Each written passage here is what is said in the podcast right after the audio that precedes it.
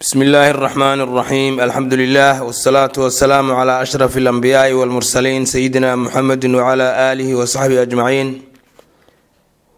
waa darsigii tobnaad ee kitaabkii alraxiiq lmakhtuum wayudkaru waxaa la sheegaa min amri qusay qusay bni kilaab kilaab arrimihiisa waxaa laga sheegaa anna abaahu in aabbihi maata uu geeriyooday ama dhintay wa huwa isaga oo qusay fii xidni ummihi hooyadii dhabteeda ku sugan. Oo aan weli socodba baran hooyadii dhabtiisa dhabteeda ku sugan oo sanad iyo waxsaasa jira ama ka yar. Wa nakaxa waxaa guursaday ummahu hooyadii rajulun nin baa guursaday. Ninkaasoo min bani cudrata qabiilka reer bani cudra ka mid a. Wa huwa ninkaas rabiicatu ibnu xaraam weeye magacaasuu lahaa. Faxtamalaha wuxuu u kaxaystay xaaskiisii ahayd qusayi hooyadii ilaa bilaadihi dhulkiisa ayuu u kaxaystay. Oo biatraafi shaam dhulweynaha shaam xuduudiisa ku yaalay qusayna way kaxaysatay hooyadii. Falamaa markii shabba uu barbaar noqday qusayi qusay rajaca wuxuu u soo laabtay. Ilaa makata maka ayuu ku soo laabtay. Wa kaana waxaa ahaa waaliyaha maka badhasaabkeeda iddaaka markaa isagu uu soo laabtay qusayi uu ku soo laabtay maka nin la yidhaahdo xulayl ibnu xabashiya oo min khusaacata qolada reer khusaaco ah ee maka maamulaysay muddada saddexda boqol ee sano ah ee ka qaadatay reer jurhum. Fa khataba wuxuu doonay ama u fadhiistay markii gabadha aad rabtay inaad guursato reerkooda weydiisanayso waxaa la yidhaahdaa wuu doonay ama wuu fadhiistay. Waa isku mid labadaasi fa khataba wuxuu ka doonay qusayi qusay ilaa xulayl. Ninkii xulayl ahaa ee badho saabka ka ahaa maka yaa wuxuu ka doonay ibnatahu inantiisii. Inanta hala isu yidhi. Inantaasoo la dhihi jiray xubbaa la dhihi jiray. Faraqaba wuu ogolaaday.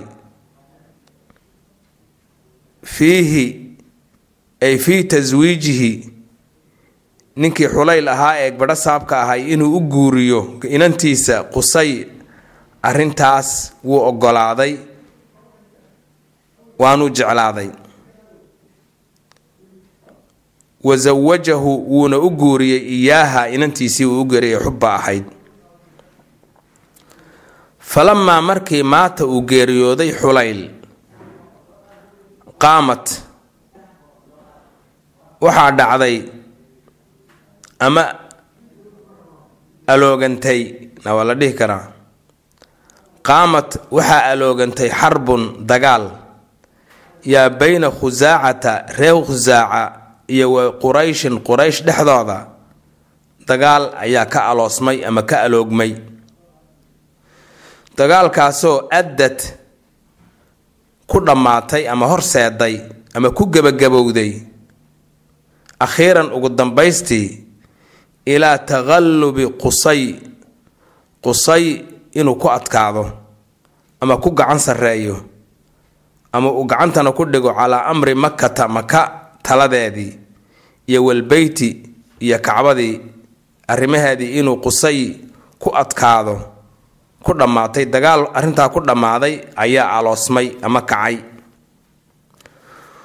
Wa hunaaka waxaa jira thalaathu riwaayaatin saddex war ayaa jira. Riwaaya waa war saddex war ayaa jira fii bayaani sababi haadihi alxarb. Dagaalkan tan ah ee quraysh iyo khusaaco dhex martay quraysh uu hogaaminayo qusay ibnu kilaab iyo khusaaco dhex martay dagaalkaas sababaha keenay saddex riwaayadood ama saddex war ayaa ka jira.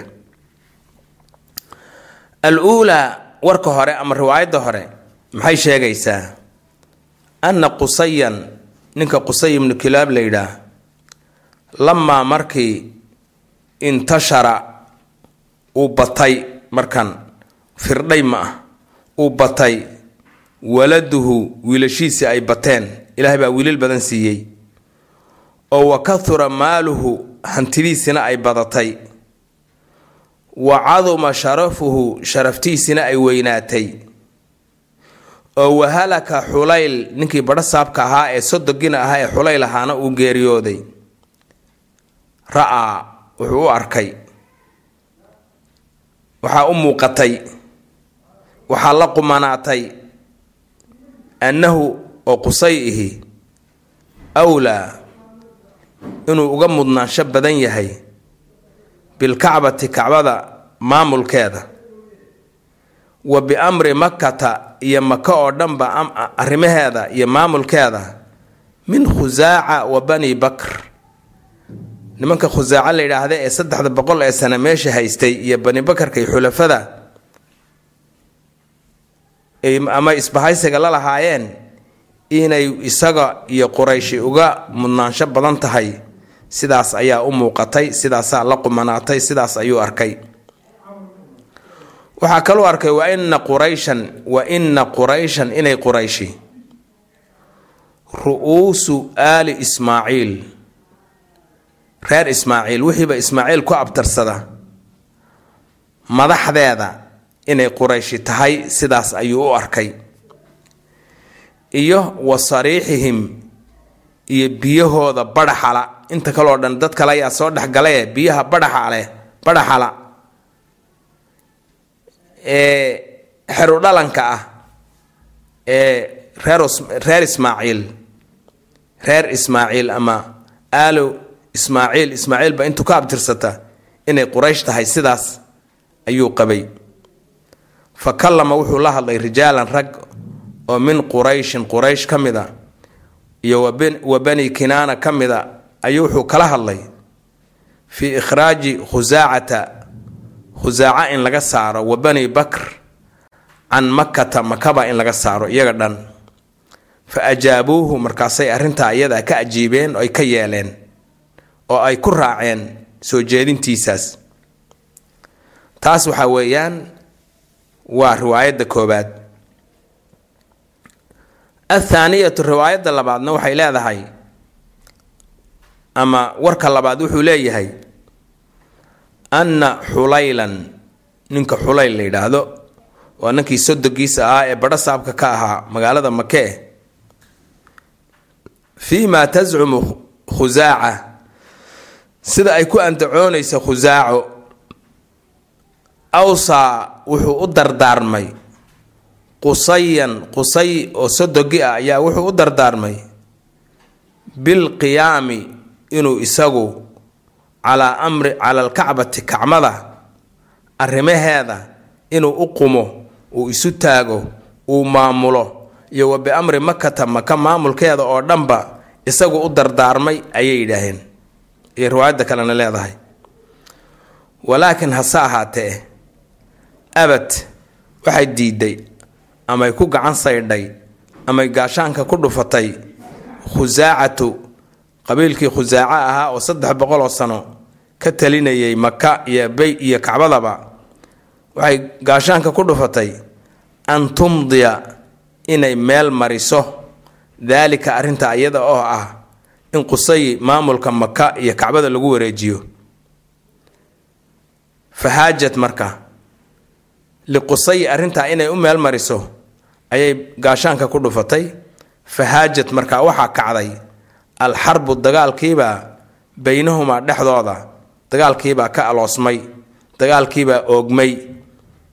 Oo quraysh uu hogaaminayo qusay ibnu kilaab iyo khusaaca oo ahaa qabiilkii meesha maamulayay saddexda boqol oo sano maka iyo kacbadaba maamulayay taasna waxa weeyaan waa warka labaad ama riwaayadda labaad weeye athaalithatu midda saddexaadna waxay leedahay anna xulaylan ninkii xulayl ahaa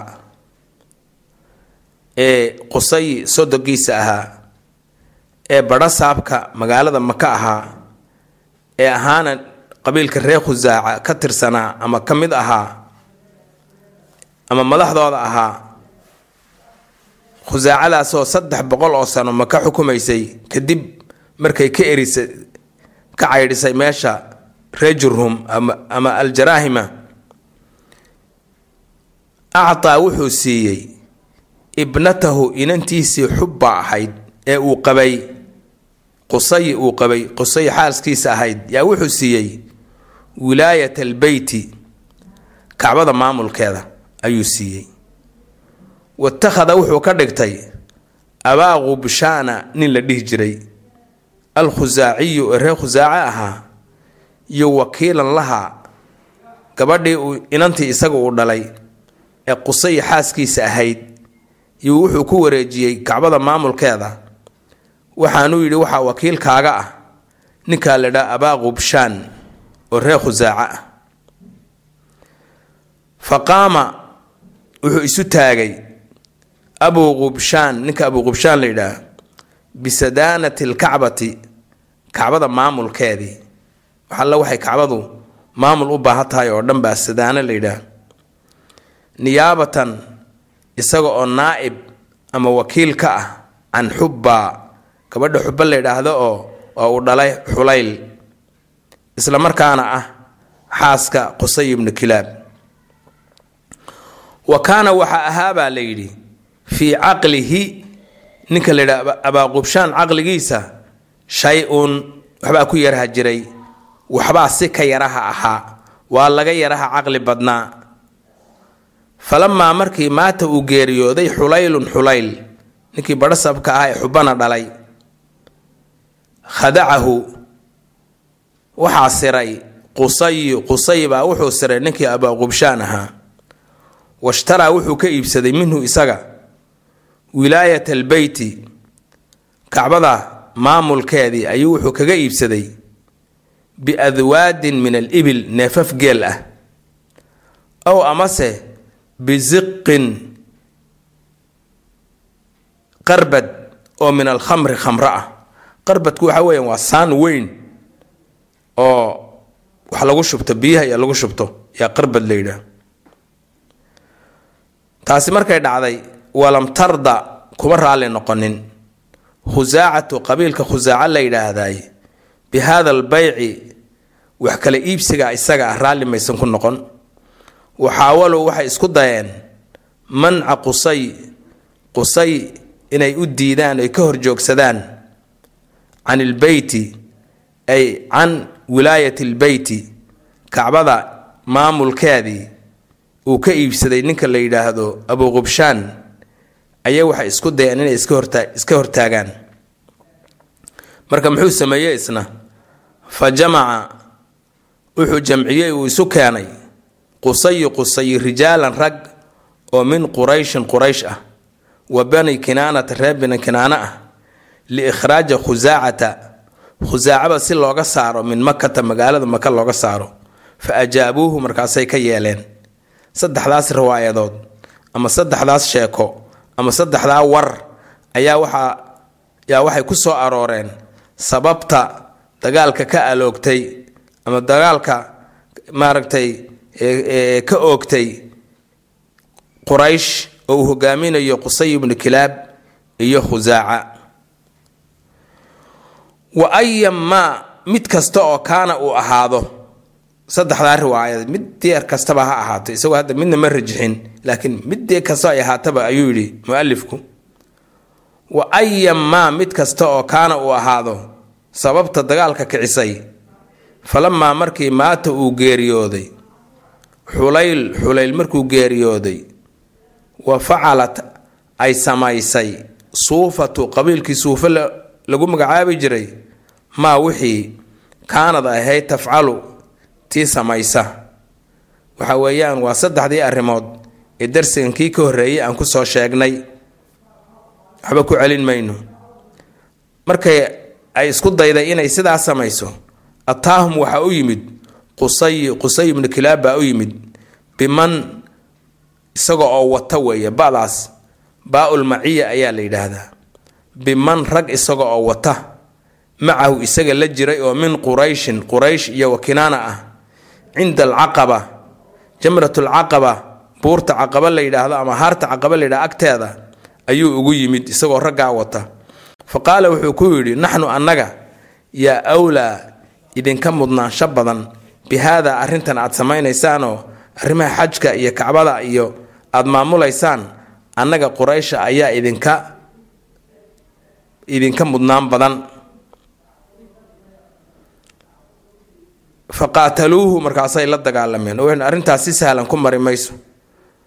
Fa qalabahum waxaa ka adkaaday oo ka gacan sarreeyey oo ka qaalib noqday qusay qusay calaa maa wixii ayuu uga gacan sarreeyey. Kaana ahaaday biaydiihim waxay gacanta ku hayeen waxay maamulayeen hadda wax gacanta ay ku hayeenoo xis ihi ma jiro. Laakiin maamulkii ay maamulayeen kacbada iyo xajka intii ayuu uga gacan sarreeyey ka qaatay. Halkaasi marka ay marayso ay taasi dhacday. Waxaa arrintaa ka xanaaqay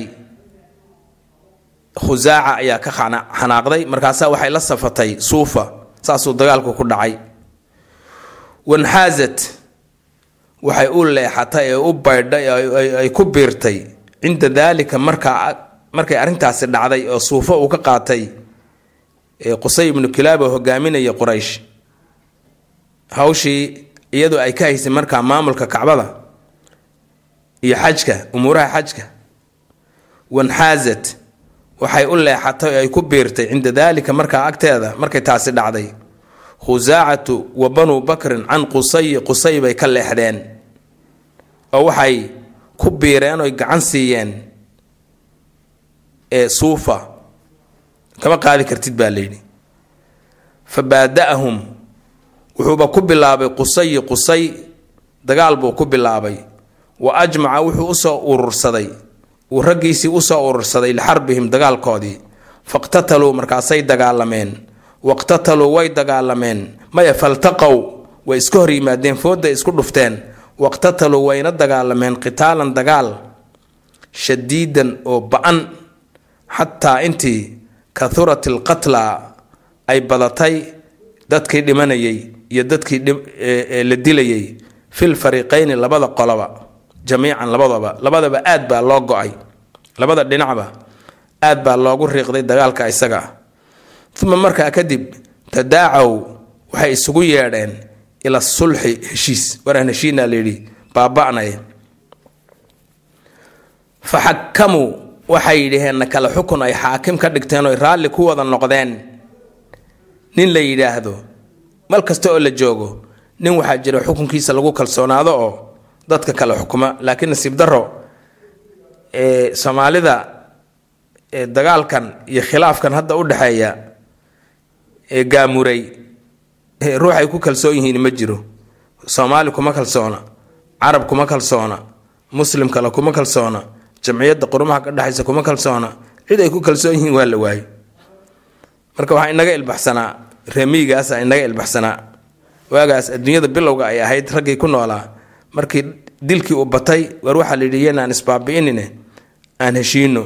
Oo yaa ina kala xukumayo nin bay doorteen labada qoloba. Wax alla waxaad adigu nagu xukunto ayaan qaadanaynaa bay yidhi. Fa xakamuu waxay yidhaheenna kale xukun. Ay ku raali noqdeen oy xaakim ka dhigteen. Nin la yidhaahda yacmur ibnu cawf oo axadu bani bakr ree bani bakar nin ka mid ahaa. Fa qadaa wuxuu xukumay bianna qusayan in qusay awlaa uu mudnaanta leeyahay bilkacbati kacbada maamulkeeda. iyo wa biamri makata maka maamulkeedaba inuu uga mudnaansho badan yahay min khusaacata khusaaco koow xukunkaa wuu riday cid ka noqon kartana ma leh waxaa kale uu xukumay wa kullu damin dhiig kasta dhiiggaasoo asaabahu uu galay qusayi qusay uu galay minhum khusaaco uu ka galay dhiig kasta uu ka dilay iyo wax kasta uu ka dilay mowduucun waa mid la dhigay oo yashdakhuhu uu aasayo ama duugayo taxta qadamayhi labadiisa lugood hoosteeda uu ku duugayo. Labadeeda lugood hoostoodaan dhigay waan duugay micnaheedu waxaa weeyaan waa hadur oo wax kama soo qaad ah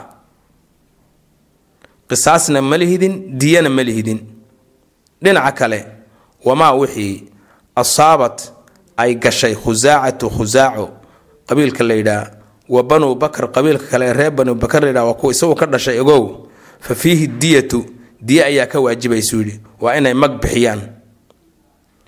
Qodobka saddexaadna waxaa weeye wa an yukhallaa waa in loo kala dhex baxo bayna qusay qusay dhexdiisa iyo wa bayna alkacbati kacbada maamulkeeda loo kala dhex baxo fa sumiya ninkaa waxaa loo bixiyay yacmur la yidhaahda yowmaidin yada ashadaakh duuge ama aasihii waxa weeyaan yaa loo bixiyey riwaayad kalena waxay leedahay mise kalena waxaa loo fasiraa dakhre xaajadiibuu madaxa ku dhuftay. Madaxuu ku dhuftay oo shadaakhna waa la yidhaha dakharka waa la yidhaah laakiin siyaaqu hadalka siduu u dhacayo waxa weeyaan wuu duugay. Wuxuu duugay fitnadii yuu duugay xukunna wuu keenay oo waa duuge ama aase wa kaanad waxay ahayd fatratu tawallii khusaaca khusaaca muddadii muddadii ay maamulaysay amra albeyti kacbada arrimaheeda muddadii ay maamulaysay waxay ahayd halaatha mi-ati sana saddex boqol oo sano allila way ku filayd muddo dheer wey wastawlaa qusay markay taasi halkaa ku dhammaatay oo qolyaha halkaas ilaan watilka ayaam nudaawiliha weeyaane wastawlaa wuxuu gacanta ku dhigay weeye qusayi qusay calaa amri makkata maka umuuraheeda iyo maamulkeeda ayuu gacanta ku dhigay iyo walbeyti iyo wa amri lbeyti kacbada maamulkeeda. Fii awaasiti alqarni alkhaamisi qarnigii tobnaad may qarnigii shanaad barhtamihiisii lilmiilaadi dhalashada nabi ciise calayhi salaam. Dhalashada nabi ciise ee taariikhda ka soo bilaabata qarnigii shanaad barhtamihiisa yay ahayd markii uu gacanta ku dhigay oo maamulka kacbadu uu ku soo wareegay quraysh oo uu hogaaminayay qusay ibnu kilaab. Waxayna ahayd afar boqol iyo afartankii dhalashada nabi ciise markii laga joogay. Wa bidaalika sidaas daraaddeed yaa saarat waxaa u ahaatay saarat waxaa u ahaatay liqusay ninka qusay la yidhaahdo waa odaygii quraysheede uma liqurayshin quraysh waxaa u ahaaday assiyaadatu gacan saraynta attaamatu oo dhammaystiran gacanta sare iyo gacan ku-haynta sare. Siyaade ayaa la yidhaha sovereignty waa erey aada loo isticmaala hadda waa dalku markii uu madax bannaan yahay oo go'aanadiisa oo dhan isagu u madax bannaan yahay baa sovereignty baa la yidhaha ama siyaada. Dhammaan go'aamadaada markaad u madax bannaan tahay yaa siyaado buuxdaa la yidhaha. Marka waxay ahayd madax bannaani iyo gacan bannaani dhammaystiran yaa u sugnaaday ninka qusay la yidhaahdo iyo qurayshba iyo wal amru maamul an naafidu oo meel marayo oo cid is hortaagi karta aysan jirin fii makata maka magaalada maka arrimaheeda. Wasaara waxaa ahaaday wasaara maya wuxuu ahaaday oo uu noqday uu isu bedelay min afcaali sayruura ayaa la yidhaah wuxuu isu bedelay oo uu noqday qusay huwa isagu alra-iisa ra'iiskii ama madaxdii addiiniya ee diineed. Lihaada albeyti kacbadan iyada beytkan ilaahay alladii kaasoo yacni beytkaasoo kaanad ahayd tafidu kii ay wafdi ahaan ugu timaado ilayhi isaga alcarabu carabtu min jamiici anxaa'i aljasiirati jasiirad ekeyda carabta daafaheeda iyo qaybaheeda kala duwan oo dhan ay carabta uga imaan jirtay ay u soo xajin jirtay. Wa mimaa wixii facalahu uu sameeyey ama falay qusayu bimakkata maka uu ka sameeyey markuu madax u noqday waxaa ka mid a annahu isagu jamaca wuxuu isu keenay qowmahu tolkiibuu isu keenay. Min manaasilihim meelihii ay deganaayeen buu ka soo wada raray ilaa makata maka ayuuna soo wada dejiyey wa qatacahaa wuu u tusmeeyey ribaacan ribaacan afarafar yuu beyna qowmihi tolki yuu ugu tusmeeyey uu ugu googooyey yacni nin walba dhul ku filan ayuu ayuu siiyey. Wa anzala wuxuu dejiyey kulla qowmin qolo kasta oo min qurayshin quraysh ka mid ah manaasilahum meeshii ay deganaan jireen allatii meeshaasoo asbaxuu calayha uu waagu ugu baryay. Markuu soo raray qolo walba meel bay degi soo maaha saasun muranba u imanin. Qolo walba meeshii ay waagu ugu baryay unbuu yidhi halkaan uu cabiro uu yidhi halkaa dega. Arrinta kale uu sameeyey waxaa ka mid ah wa aqara wuxuu u sugay annas'ata dib u dhigidda ashhurulxurumka waa tii dee marka dambe uu qur'aanku baabi'iyey islaamku uu baabi'iyey gaalnimada lagu tilmaamay ashhurulxurumka dib loo dhigayo weeye ashhurulxurum markay isagoo adoo dagaal ku jira ashhurulxurum markay kugu soo gasho yay dib u dhigi jireen. Arrintaana waxaa lahaan jiray qolo carabta ka mid a ayaa la siiyey soo maahayn oo xalay darsigii kan ka horreeyay baan ku soo marnay. Insaa ashhurulxurum in dib loo dhigo oo waxaana iska lahaan jiray bani fuqaym ibnu cadiy min bani kinaana iska lahaan jirtay. Qolyaha waa loo dhaafay. Wa aqara wuxuu u daayey uu u qiray annas'ata dib u dhigidda ashhurulxurumka iyo wa aala safwaan wa cadwaan wa murabt ibnu cawf. Intaba calaa maa kaanuu calayhi calaa maa wixii kaanuu ay ahaayeen calayhi maagaba ama arrintaba yacni waxay gacanta ku hayeen oo min almanaasibi jagooyin ah. Jagooyinka ay hayeen wuu u dhaafay intaaba. Liannahu qusay. Kaana wuxuu ahaa yaraahu arrintaa iyada ahu inuu dadkaas ama qabaa'ilkaas ama qoysaskaas arrimihii jagooyinkii ay hayn jireen inuu u daayay wuxuu u arkayey daynan dayn buu u arkayey dayn lagu leeyahay oo yuu fii nafsihi naftiisa lagu leeyahay taasoo laa yambaqii aysan habboonayn taqyiiruhu in la bedelo saasuu arki jiray. Wa min ma'aathiri qusay. Qusay waxyaabaha lagu xusuusto ee uu la gaarka ahaa ama raadka uu ka tegay labadaba waa la dhihi karaa. Waxyaabuhu la gaarka ah ee lagu xusuusto ama raadka uu ka tegay ee lagu xusuusto weeye aw athaaratin min cilmin athaaratin min cilmin ma'aathir waa saas. Waxyaabaha uu la gaarka ahaa ama waxyaabaha lagu xusuusto waxaa ka mid a annahu isagu asasa wuxuu yagleelay uu dhidibada u aasay daara nadwati gurigii faqa gurigii lagu faqi jiray waa baarlamaankii qureysheed. Ayuu wuxuu ka yagleelay uu dhidibada u aasay. Biljaanibi dhinaca alshamaaliyi ee waqooyi min masjid alkacba masjidillaahi alxaraam ama kacbada waqooyigeeda yuu guri ka sameeyey. Gurigaasna waxaa loo bixiyey gurigii wadatashiga gurigii wadatashiga ama gurigii faqa ama gurigii koodka magacyo badan baa siyaalo badan baa loo sheegaa. Waa baarlamaan yar buu ahaa waa gurigii quraysh madaxdeedu ay ku shiri jirtay. Go'aanada waaweyn ee muhiimka ahee quraysh khuseeyana iyo makaba khuseeyana lagu gaari jiray.